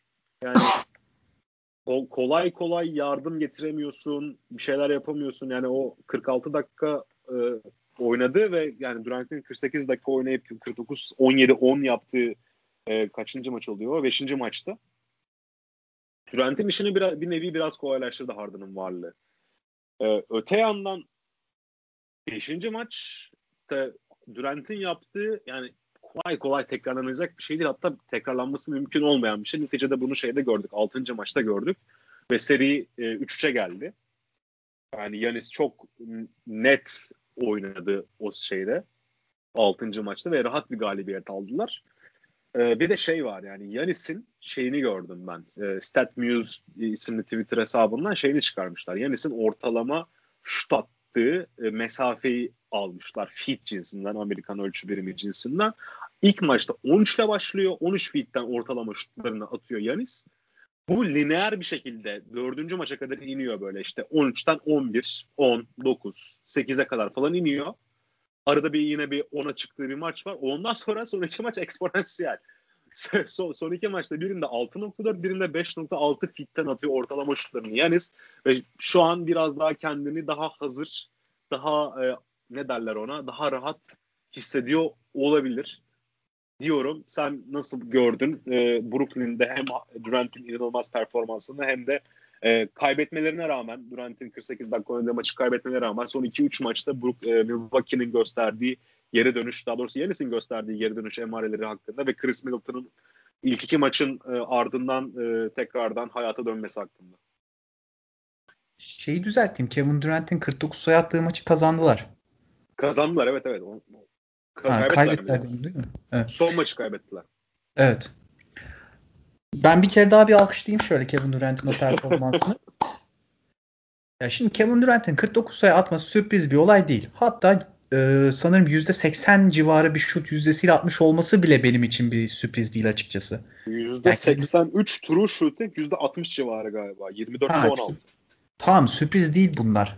Burada benim değinmek istediğim e, noktalardan bir tanesi Şimdi Milwaukee özellikle o maçla birlikte zaten şeye başladı artık. E, yavaş yavaş içeriden oynama, içeriği zorlama kısmına tekrardan dönmeye başladı. Yapmaları gerektiği gibi. Durant burada e, Milwaukee'nin tıpkı Paul George'un Clippers'ta yaptığı gibi aslında hücum reboundlarını toplamasına engel olma konusunda inanılmaz bir iş başardı. Ki zaten yine o da 16 rebound mu aldı? 17 rebound mu aldı? 17. Öyle şey. 17. Yani şimdi sen Durant gibi e, sakatlıktan bu sene yeni çıkmış ve sakatlığa meyilli bir oyuncuyu Sakatlığı böyle kullanmak, yani anladın mı? Evet yani böyle kullanmak istemezsin normal şartlarda. Bundan çok fazla verim alamayabilirsin. Ama yani Durant orada büyük bir karakter koydu açıkçası. Bu riske rağmen, sakatlık riskine rağmen hani boğuşma kısmını çok iyi başardı. Ee, keza savunmada da yani 3 top çalma 2 blok gerçekten orada da e, Brooklyn'e bir hayat öpücüğü verdi diyebilirim savunmada yaptığı dokunuşlar sayesinde de. E, ve tabii 48 dakika oynaması her şeye rağmen. Yani günümüz basketbolunda, günümüz temposunda 48 dakika oynayabilmek gerçekten insanüstü bir e, efor gerektiriyor. Hani e, playoff olsa bile 44-45 dakika oynamasını beklersin ama 48 dakikanın hepsinde oynamış olması takdire şayan. Büyük saygı gerek. E, yani büyük çıkma saygı. yani besliyorum 45 dakika oynasam bile kendi odağını toplama şansı buluyorsun. Yani 3 dakika bir şeydir yani. O, o bile bu tarz seviyelerde çok önemli. O 3 dakika dinlenme şansını bulabilmek bile. Yani o oyun odağı ve yani şey Mustafa olsa söverdi büyük ihtimalle. Yani sonda attığı üçlükten sonra Kobe çenesi çıkar, çıkardı yani. Yani, yani orada böyle... kan kokusu almış bir Durant tabii, vardı tabii, zaten. Tabii, tam, tam kendi lakabını e, yılan diyorlar ya ya da Durantula yani örümcek de diyebilirsin, yılan da diyebilirsin. Tam kendi e, lakabını açığa çıkartan böyle avının kokusunu almış bir e, vahşi hayvan şey e, güdüsündeydi gerçekten. Ve biz Durant'i daha önce böyle görmedik. Ben hatırlamıyorum böyle gördüğümü. Bu seviyede hırslı, bu seviyede kendini adamış yani çok özel bir basketbolcu olduğu için hiç efor sarf etmeden de zaten e, yüksek sayılara ulaşıp e, yüksek reboundlar alabiliyor ama bu adanmışlık seviyesi hani suratında o gördüğün ifade zaten her şeyi kanıtlar nitelikte. E, ve hani Harden'ın da böyle sakatlığından ötürü çok fazla adım atamadığı bir ortamda da gerçi o maçta Harden oynamış mıydı? 48 attığı maçta mı? 48 evet. dakika oynadı maçta mı? Oynadı 46 dakika oynadı. 45 dakika oynadı o da değil mi? Hı hı, oynadı oynadı. Yani bütün sorumluluk ondaydı aslında. Baktığımız zaman. Ya şey, yani bir, bir karakter. Her şeye rağmen Harden'ın varlığı da biraz işini kolaylaştırdı diyebilirim yani. O Harden'ın o sahada bulunamayacak kadar zor durumda olduğunu biz bile gördük. Ama ona rağmen bulunması şey yani Milwaukee'ni şey bir odak noktası daha ekledi savunmada yani bir tehdit noktası daha eklemesi Durant'in yapabildiklerini biraz daha asla küçümsemek için söylemiyorum yanlış anlaşılmasın ama onun hayatını biraz daha kolaylaştırdı ki yani e, zorluk seviyesi 10'sa 9.7'ye indirmişti zaten tabii. Evet. Bu, bu, evet ya, ama bu, bu, bu kadarcık fark bile bazen önemli olabiliyor işte. Evet o konuda da haklısın. Ama ne olursa olsun yani takımdaki sana destek olmasını beklediğin ikinci oyuncunun sakat olması bile yani senin kendini sorgulamana sebep olabilir. Ulan bu maçın 47. dakikasına geldiğimizde ben benden kendimden başkasına güvenebilir miyim? O pası attığımda. Yani o da böyle aklında o konuda tilkiler dönüyordur eminim. Ee, Milwaukee'nin yapmaya başladığı doğrulara da yine bir e, değinmek istiyorum. Tamam 5. maç kaybedildi ama orada Durant'in hayvan üstü performansı hayvan üstü. Yani insan üstünü de geçtim artık. Performansını bir kenara koyarsak doğruları yapmaya başladılar. 5. maçla birlikte. Yani 4. maça kadar hatırlıyorum ben ne küfürler ediyordum Milwaukee'nin bu e, yanlış yaptığı şeyleri hücumda. 5. maçla birlikte iyi uygulamaya başladılar. Zaten 6'da da galibiyeti aldılar. E, Antetokounmpo dış şut kullanımı meselesini biraz daha e, azalttı gördüğümüz kadarıyla ki galiba son maçta ya da 5. maçta denemedi bile. Üçlük denemedi. Yani ihtiyaç yok açıkçası senin at- atacağın üçlüye. Sen e, 4 tane deneyeceğine atıyorum Middleton 6 tane zor üçlük denese bence Milwaukee için daha iyi. Ya da sen bir tane ya bak Yanis kötü bir şutör çok kötü bir şutör mü bence değil. Tamam Sezon içerisinde attıklarını falan biliyoruz ama ya şu anki psikolojisinde atma imkanı senin yok yani. Psikoloji işte evet bak. Yani senin o psikolojide atamaz. Ya. Senin işin başka. Yani şey vardır. Ya bizi dinleyenler de mutlaka oynamıştır. NBA 2K'da oyuncu my player'ı yaparken oyuncu tiplemeleri seçersiniz. Yani nasıl anlatayım? Oyun size dört tane şey sunuyor. Senin belen, belli olan özelliğinle işte sağlıyorum. Üçlük atarım ben. İkinci özelliğim pick and roll oynarım. İşte cut ederim. Cutter olurum. Slasher olurum. Ya da işte uzunsanız post up yaparım. Rebound alırım falan. Abi yani Yanis'in üçlük ve orta mesafe shooting olayı yani iki K'nın sana sunduğu dört özellikten beşincisi bile olamaz anladın mı? Sen dört tane üstüne beşe bile koymazsın bunu. Yani sende var mı? Var. Eyvallah. Tut cebinde. Ama cebinde tutmaya devam et. Çünkü senin burada bunu atmaman lazım. Bunu anlamıyor. Boş geldim mi? O tamam be atayım bunu. Atma abi. Atamıyorsun zaten şu an. Sezon içerisinde atarsın, denersin, geliştirmeye çalışırsın. Bu sene %33'ü falan gördü yani belli bir dönem şeyde. Yani şeylerini falan hatırlıyorum ben 7'de, 7'de 3, 8'de 4 bazen işte kötü şeyler değil bunlar ama uygun pozisyonu bulman lazım. Çünkü senin birinci ön, önceliğin şut atmak değil. Sen Stephen Curry değilsin. Sen, sen Dirk Nowitzki değilsin ya. Sen kimse fade'e atıyorsun ya. Ya karşında ya Black Griffin var karşında. Abi geç. Yani YouTube'da canlı yayın yaptığımız o maçı anlatmaya çalıştığımız enteresan yayında da konuşmuştuk bunu. Abi geç, geçiyorsun yani Black Griffin'i. Açık sağ bulabiliyorsun. Bir, bir ayak hareketine geçiyorsun. Bir Eurostep'ine bakıyor. Black Griffin kim yani? Senin karşısında senin karşında durmak için. E sen de Dirk Nowitzki değilsin abi. Neden sırtına oluyorsun Black Griffin'i? Black Griffin senin sırtında kalabilir. Çünkü Black Griffin güçlü bir oyuncu. Oyunu biliyor. Ayakları yavaş olmasına rağmen oyun IQ'su var. Senin sırtında kalabilir. Hala post-up savunması yapabiliyor. Pota savunması yapamıyor olabilir ama posta gayet savunur seni yani Black Griffin. Niye şut atıyorum? Aa faale sokarlar beni. Abi al tam faal al. Ya, ya faul al rakibin faul problemine girsin. Tamam faul atamıyor olabilirsin. A, ama Evet abi yani ikide bir zaten sen hücumdan şey, da boş. Aynen faul al ikide bir at. O bile bir şey yani. Sezon içerisinde %72 %70'lere çıkardın sen de zaten faulünü. O kadar kötü değilsin yani. Tamam iyi de değilsin ama yani vas- vasat seviyesindesin. Kabul edilebilir bir şey bu Yanis'in yani için. Yani Yanis profilindeki bir oyuncunun işte sallıyorum %30'lar civarında üçlük atması okey. %70'ler civarı faal atması ben yine okey bence.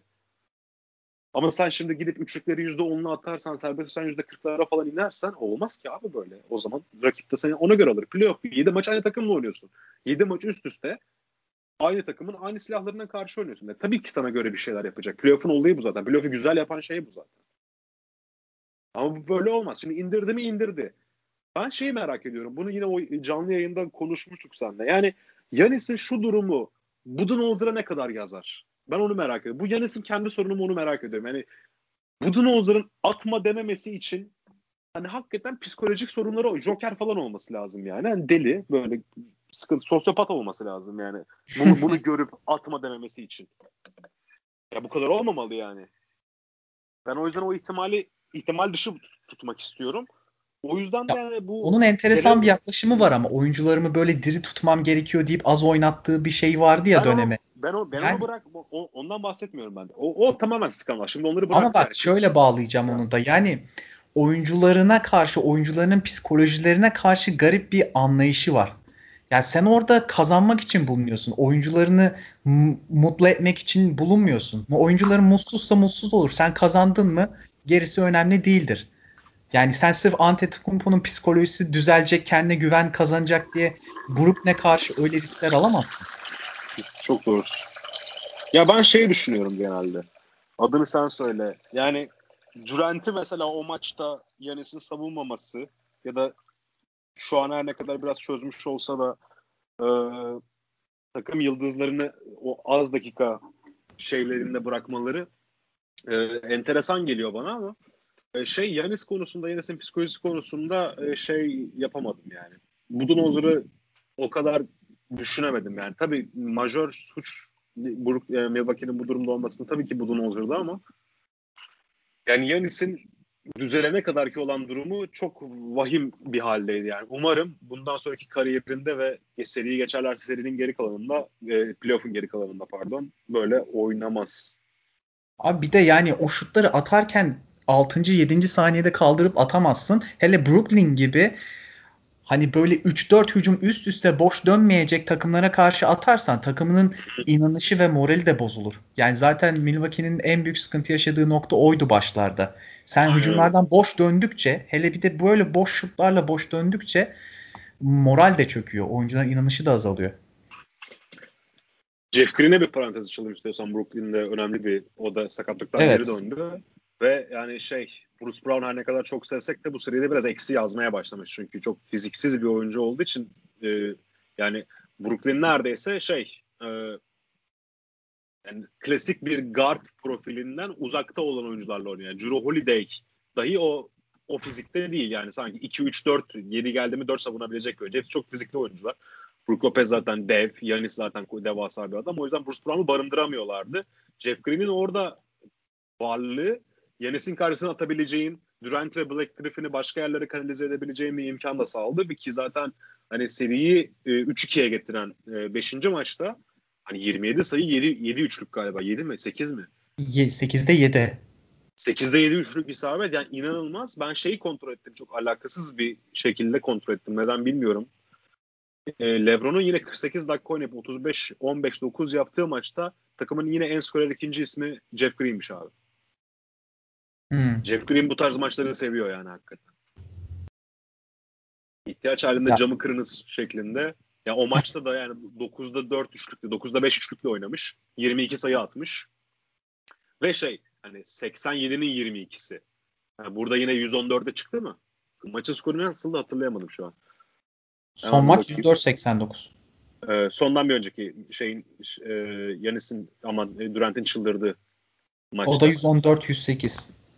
100, 114'ün 27'si bak. Yine yani şey değil. Ben hmm. işte 40, 50'si şeyden geliyor. E, Durant'tan geliyor. 27'si senden geliyor. Harden zaten 5 sayıda onda birle kalmış. Jeff Green'in de eklenmesi hem hücumdaki yani böyle bir şutör olmaması lazım bu arada Jeff Green'in hakikaten, hakikaten çok ekstra bir performanstı. Ama hem hücumda hem savunmada gerçekten çok kritik bir detay olduğunda söylemeden geçmeyelim. Ee, Dante DiVincenzo'yu da hakeza bence arıyor Milwaukee. Çünkü kısa rotasyonunda e, sıkıntı yaşıyorlar. Onlar da yani Bryn Forbes'e o kadar süre vermeyi istemezlerdi tabii yani bu durumda. Onun haricinde. Ve dış şut is- isabeti konusunda da beklenilen seviyeye hala çıkamadılar bu seride. Aynen, aynen öyle. Yani Middleton'ın orta mesafelerine falan kaldı. Middleton gerçekten e, iki maçtır yani hem kaybettikleri 5. maç hem de kazandıkları 6. maç olmak üzere çok efektif performanslar gösterdi. E, yani bugün zaten maç. Bugün Türkiye saatiyle 3.30'da. Ee, yani canlı izleyemezseniz bile mutlaka bir yerden şuradan buradan bulun izleyin derim skoruna bakmadan. Çok özel bir, çok kritik bir maç. Yani playoff tarihine geçebilecek bir maç potansiyeli e, içeriyor yine bu seri. Evet. Bir de e, Brooklyn bu seride şeyin de sık, e, sıkıntısını çekiyor. İlk maçlarda Harden yoktu. Dolayısıyla Joe Harris'ten özellikle e, hiç verim alamıyorlardı. Çünkü Joe Harris'i aksiyona sokan biraz Harden oluyordu. Aynen. Son iki maçta döndü ama o ilk, ilk birkaç maçın soğukluğu ve herhalde özgüven düşüklüğü hala üzerinde Joe Harris'in de e, katkı vermesi gerekecek eğer 7. maçı kazanması istiyorsa Brooklyn, Brooklyn Nets. Ya hep aynı şeyi söylüyorum ben. Yani Brooklyn'in top oynadığını Joe Harris'in şut kullanımından ve attığı sayıdan anlayabilirsiniz. Evet. Yani Joe Harris o gün verimli bir gün geçirmişse Brooklyn iyi bir oyun, iyi bir basketbol hani e, one man show'lardan ziyade yetenek farkıyla kazanmaktan ziyade hakikaten gerçek oyununu oynayarak hani hem yıldızlarını hem de kritik rol oyuncularını devreye sokarak e, şey yapmıştır gibi bir hissiyat kazanabilirsiniz. Yani savunmada da sıkıntı yaratıyor biraz tabii Joe Harris. Yani o anda bakacağız artık yani. Son maç e, o mümkün değil oynatmaması. Çünkü hani sahada tutmak zorundasın. Yani öyle bir tehdidin varsa o evet. bulunmak zorunda sahada. Bakalım tahmin var mı? Çok zor ya yine. Yani ben çok şey, zor. Ama sen, ben Milwaukee'nin... Sen şey mi demiştin? Sen Brooklyn mi demiştin geçerdi? Yok sen de Milwaukee demiştin. Ben de Milwaukee demiştim. Biz e, e Mustafa 4-2 Brooklyn demiş. Kalan hepimiz e, Bilge ben ve Mert olmak üzere 4-2 Milwaukee demişiz. Yani ben yine hala Milwaukee öne koyacağım. Çünkü yani Harden okey sıkıntılı. E, Durant bir daha tekrarlanmaz zaten öyle bir şey. O yüzden Milwaukee'den de biraz da düzelme emareleri gördüm. Hani yalan söylemeyeyim. O yüzden ben yine bir çıtır daha deplasmanda olsa dahi çıtır daha öne koymak durumundayım Milwaukee'yi bu seriyi geçme konusunda. Yani tahminlerimden şaşmadım. Ya Durant'i 7. maçta karşıma hiç almak istemem normalde. 7. maç tam onun gibi adamların evet, maçıdır. Evet. Ama Milwaukee'nin dediğin gibi o düzelme emarelerini göstermesi beni de bu konuda Milwaukee'ye biraz itiyor. Aa, kapatalım mı o zaman bu seriyi? Tamam kapatalım. Çok ufak o zaman en sonunda da şeylerden bahsederim. Hem NBA'deki koç değişimleri e, hem de ya ben şu dönemde bir takas bu arada yani geç resmi bir takas mı ondan da emin değilim bu arada yani. Sezon devam ederken böyle bir takas yapılabilir mi? Herhalde söz kesildi ve Woj da onu şey yaptı herhalde.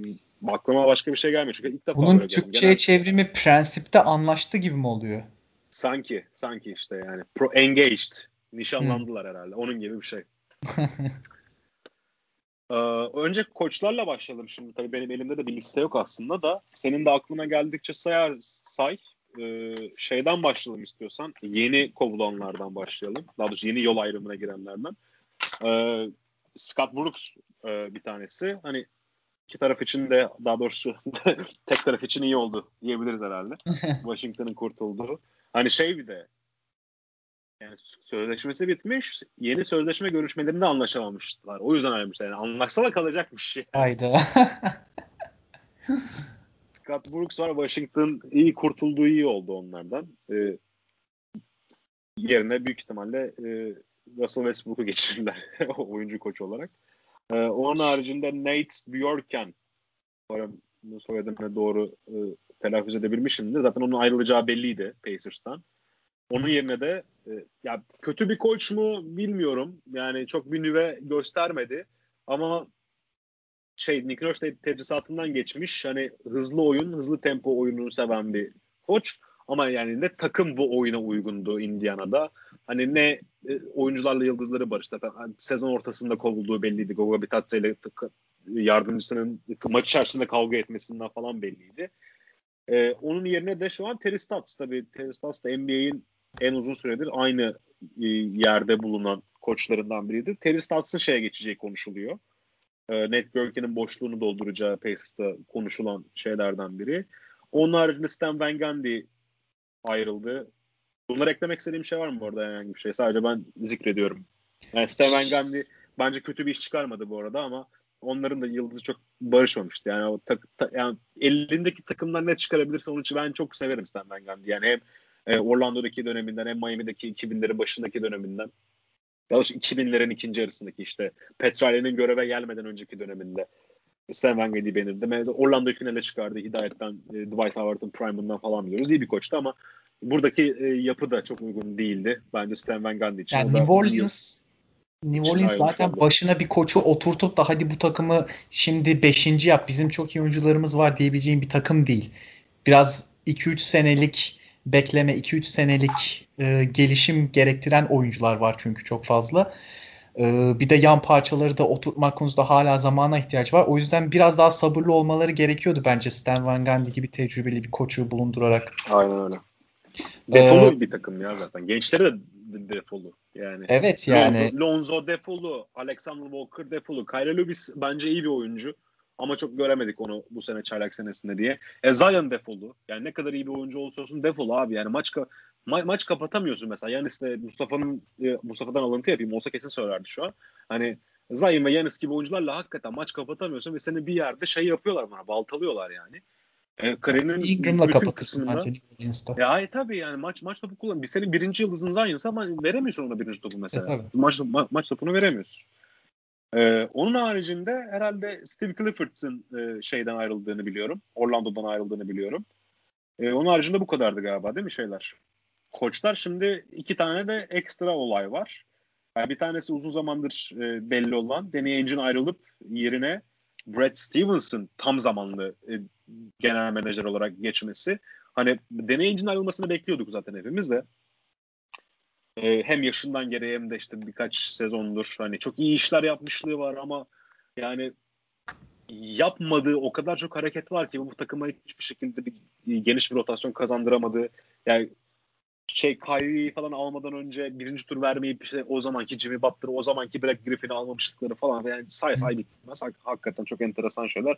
Ama yani neticede hani KG takası, takası yani Brooklyn'i evet şey çok enteresan yani 2013'te yapıldı sanırım o takas. 2013-2012 gibi yapıldı. İşte Brooklyn'in bütün piklerinin şeye gitmesi, Boston'a gitmesi, karşılığında işte Jason Terry, e, Paul Pierce ve Kevin Garnett'in de Brooklyn'e geçmesi takası. Ama yani Brooklyn senden daha önce toparladı be abi. Ya finale çıkacaklar utanmasa yani. yani. Anladın mı? Ye, ya yeni, o, yeni, yeni topluyor Brooklyn. Kendi piklerini yeni, yeni topladı falan yani. 2018'de falan bitti o takasın şeyleri. O dahiliğin meyvesini birazcık uzun süre yedi gibime geliyor. Yani o, o orada ya, yaptığı çok iyi, çok dahice hamlenin meyvesini biraz fazla yedi. Sanki fazla evet. başarılıymış gibi lanse ettirildi gibime geliyor. Ya bu de bu programı çok fazla uzatmak istemiyorum da yaptıkları draft seçimlerinde yani ne skandallar falan var. Şimdi bunu oturup e, basketbol referance'dan falan bakarım aslında şimdi de. Ya aklıma gelenler Fab Melo'lar, Jamie Young'lar, efendime söyleyeyim Yan Madar'lar, Gorşan Yabusele'ler. Yani bunlar neler ne? Grant Williams'lar. Grant Williams mesela olmuyor abi mesela takımda. Yani hiçbir şey sağda durmasın herhangi bir Grant Williams'ın yapabildiği hiçbir şey yok mesela. Semih Hoca'yla daha iyi oyuncu mesela anladın mı? Mustafa olsa nelerde şu an bilmiyorum. Semih Hoca'yla en azından ne yaptığı belli. Arada şut mut atabilir. Grant Williams'ın ben sahada ne yaptığının hiçbir farkına varmıyorum. Sen bunları seçiyorsun. Hani dört tane draft seçimi yapmışsın tutan. Bir tanesi elinden gitti zaten. Yani Rozier, Smart, Jalen Brown, Tatum. Başka var mı? Robert Williams'ı sayalım bir de hadi. Beş tane draft seçimin var. Bir tanesi elinden gitmiş. Kalan dört oyuncuya devam ediyorsun ve başka oyuncu yok takımında. Bu Romeo Langford var bir de galiba. Abi İyi kumarda tutmadı. Tamam ona da bir şey demeyeceğim. İyi kumarda tutmadı.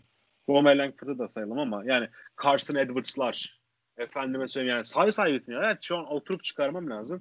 Hani yaptığı çok güzel hareketler var. Kyrie takası mesela dönemine göre iyiydi. Ha, tabii. Ama tutmadı. Kyrie takası çok iyi takastı hakikaten. Şimdi tabii, tabii. bokat bokat mıyım ama yani bu kadar bilemezdim. Ben başta eleştirmiştim aslında yani Isaiah Thomas'a da hakkı verilebilir miydi? Bu takım geri sarabilir miydi ama hani o o, o anki fırsatı çok net değerlendirdi. He, ve abi bilişim takımı hatırla Kyrie, Jalen Brown, Gordon Hayward, Jason Tatum, Al Horford.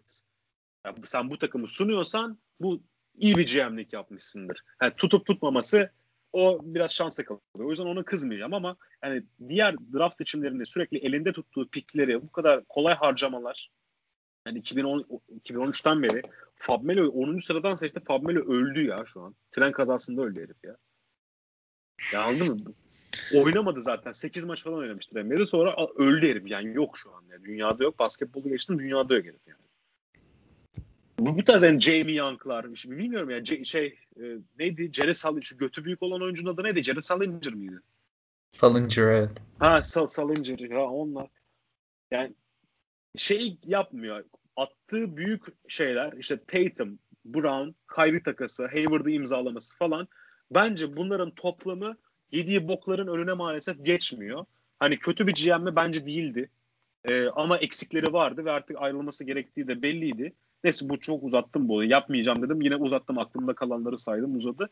Ya Brad Stevens'ın şeye geçmesi çok enteresan oldu şimdi. GM'liğe geçmesi çok enteresan oldu. Ve GM olarak yaptığı ilk hamle de Kemba'yı takımdan yollamak. Ne dersin bu takasa? Ya aslında burada uzun vadede e, Boston'a ne gibi bir avantaj sağlayabilir ona bakmamız gerekiyor. Şimdi Kemba Walker'ın aslında seni çok fazla yukarıya taşıyamayacağı şu saatten sonra herhalde anlaşılır bir şey oldu. E tabii.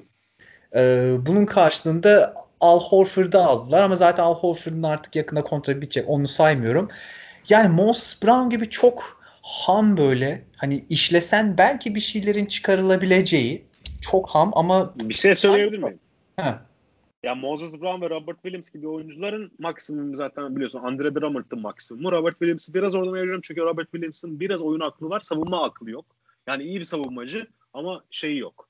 Ee, devamlılığı yok savunmada. Ben şeyi çok beğendim Robert Williams'taki. İyi bir pasör kendi şeyine göre. Evet evet. Yani merkezden iyi yani Daniel Tice yapıyordu bunu eskiden. Eskiden Al Horford yapıyordu. Sonra Tice de yaptı.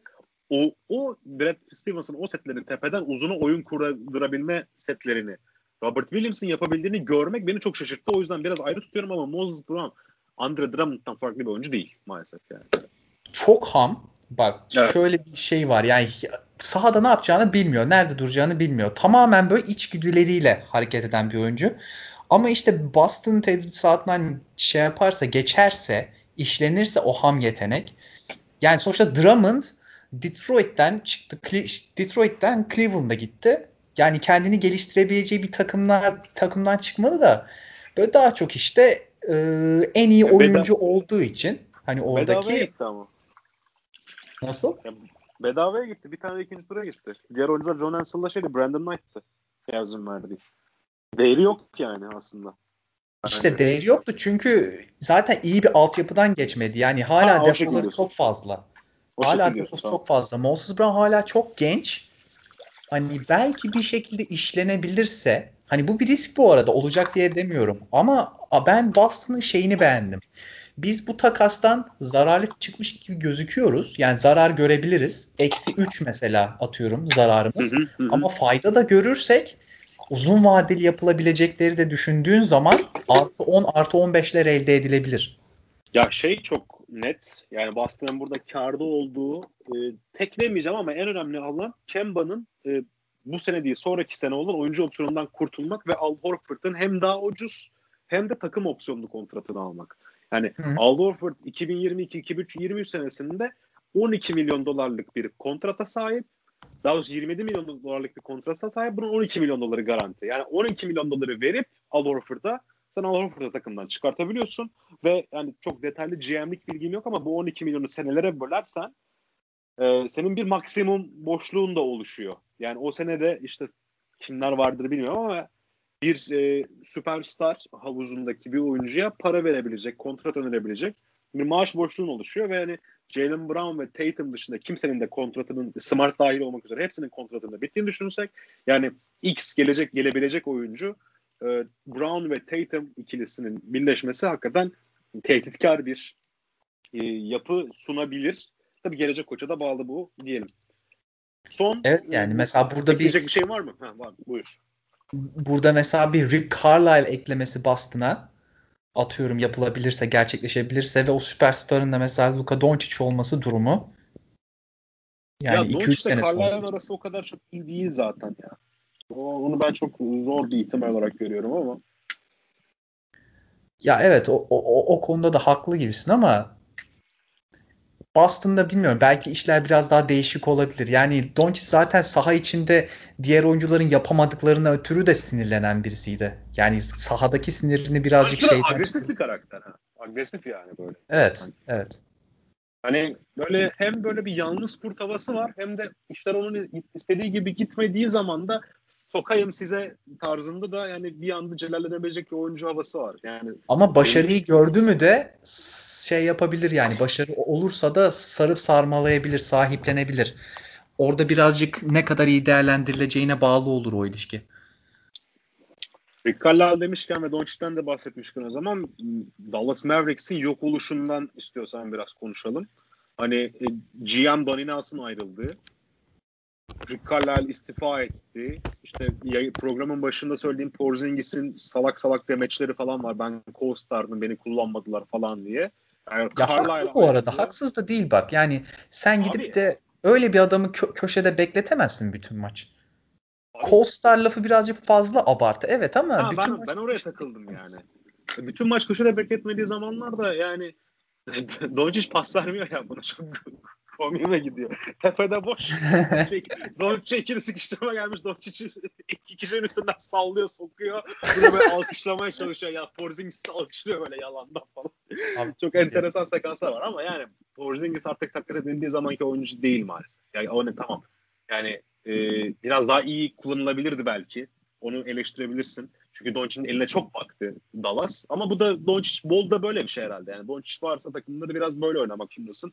Ama Porzingis'in de yani mutlaka biraz bir regresyona uğradığı da e, su götürmez bir gerçek gibi geliyor bana. Yani hem sakatlıkların etkisi hem oyun tarzı hem memnuniyetsizlikleri falan anlaşamamazlıkları olay bir iş değil yani. Bu, bu tabii Doncic'in de sorunu. Çünkü abi yani bak Dennis Smith Jr. bu hep konuştuğumuz şey. Dennis Smith Jr. Dallas'ta ilk sezonundayken Dwayne Wade şeydi. Yani Dwayne Wade potansiyeli gösteren oyuncuydu. 17-5-5'lerle falan oynuyordu çeyrek senesinde. Doncic'i seçtiler Dallas. Doncic seçti. Biz şey falan diyorduk aramızda hatırla. İşte Doncic yönlendirir. E, topsuz oyunda Dennis Smith Jr. oynayabilirse çok iyi bir combo olurlar. LeBron Wade'in işte 20 yaşlardaki versiyonların birleşmesi gibi falan bilmem ne. Dennis Smith Jr.'ın kariyeri bitti şu an. Anladın mı? Kariyeri bitti yani. Şeyde Detroit'te zor süre bulan bir oyuncu haline geldi. Doş'ta böyle bir özellik var yani. Dennis Smith Jr. o zaman star demeyeceğim ama yani en neticede yılın çaylar seçildi o sene. Değil mi? Öyle mi oldu? Yanlış mı hatırlıyorum? Yanlış mı hatırlıyorum? 2017, Hemen bir kontrol edeyim. Hemen kontrol edelim. 2017-2018 değil mi? Lonzo'nun olduğu, Lonzo'nun seçildiği sene. Birden kim seçildi? Markel Fultz. Ben Simmons falan seçilmedi mi ya o sene? Ben Simmons seçilmiş. Çok pardon. Ama yani e, şey Ben Simmons seçilmiş ama şeydi. Ben Simmons da bir önceki seneden geldiği için bu arada. Hani Dennis Smith Jr.'ın adaylıklarda konuşmamasının imkanı yok bence. Öyle, sanki ödül aldı diye aklımda kalmış ama mutlaka konuşulmuştur yani. Ya 17-5-5'e falan vardı hakikaten. İyi topunu. Dennis Smith Jr.'ı övmeyeceğim programın şunu dakikasında artık da. Ya Doncic'in öyle bir olayı var maalesef. Yıldız e, öldürücülüğü, bir star killer hakikaten var. Dead, Dead Abi, Star mı dersin artık Star Wars'ta gibi. Şey Dallas şey bence şey yapması lazım artık böyle zaten bittik biz. Al Scott Brooks'u da. direkt sene başlamadan tanking abi. 15 senelik yapılanma. Ya şey bu arada Doncic'in ben şu anda ayrılma ihtimalini şu an sıfır görüyorum. Çünkü şey yani Doncic şu an extension alacak. Büyük ihtimalle şu an hala takım opsiyonu var çaylak kontratı devam ederken yok içi de aynısını yapmıştı Denver burada hatırlarsanız. Takım opsiyonunu reddedip All NBA'ye girmiş bir oyuncuya o seneden direkt All NBA extension'ını verip yani çaylak extension'ı sallıyorum 28 milyon dolar civarıysa All NBA olmuş oyuncuların extension'ı 36-35'ten başlıyor ve daha fazla paralar kazanabiliyorlar. Doncic onu istiyor. Biraz e, para göz bir kardeş senin de dediğin gibi şeyde e, WhatsApp'ta konuştuğumuz zaman. Hakikaten bir para gözlüğü var. Onu alacak ve uzunca bir süre yani tabii, özür dilerim uzunca bir süre değil de uzunca süreli bir kontrat imzalayacak Dallas'la ama kalma garantisi uzun vadede var mı o kadar emin değilim. Son şeyini veriyor büyük ihtimalle şu an Dallas'a. Siz bana paramı verin.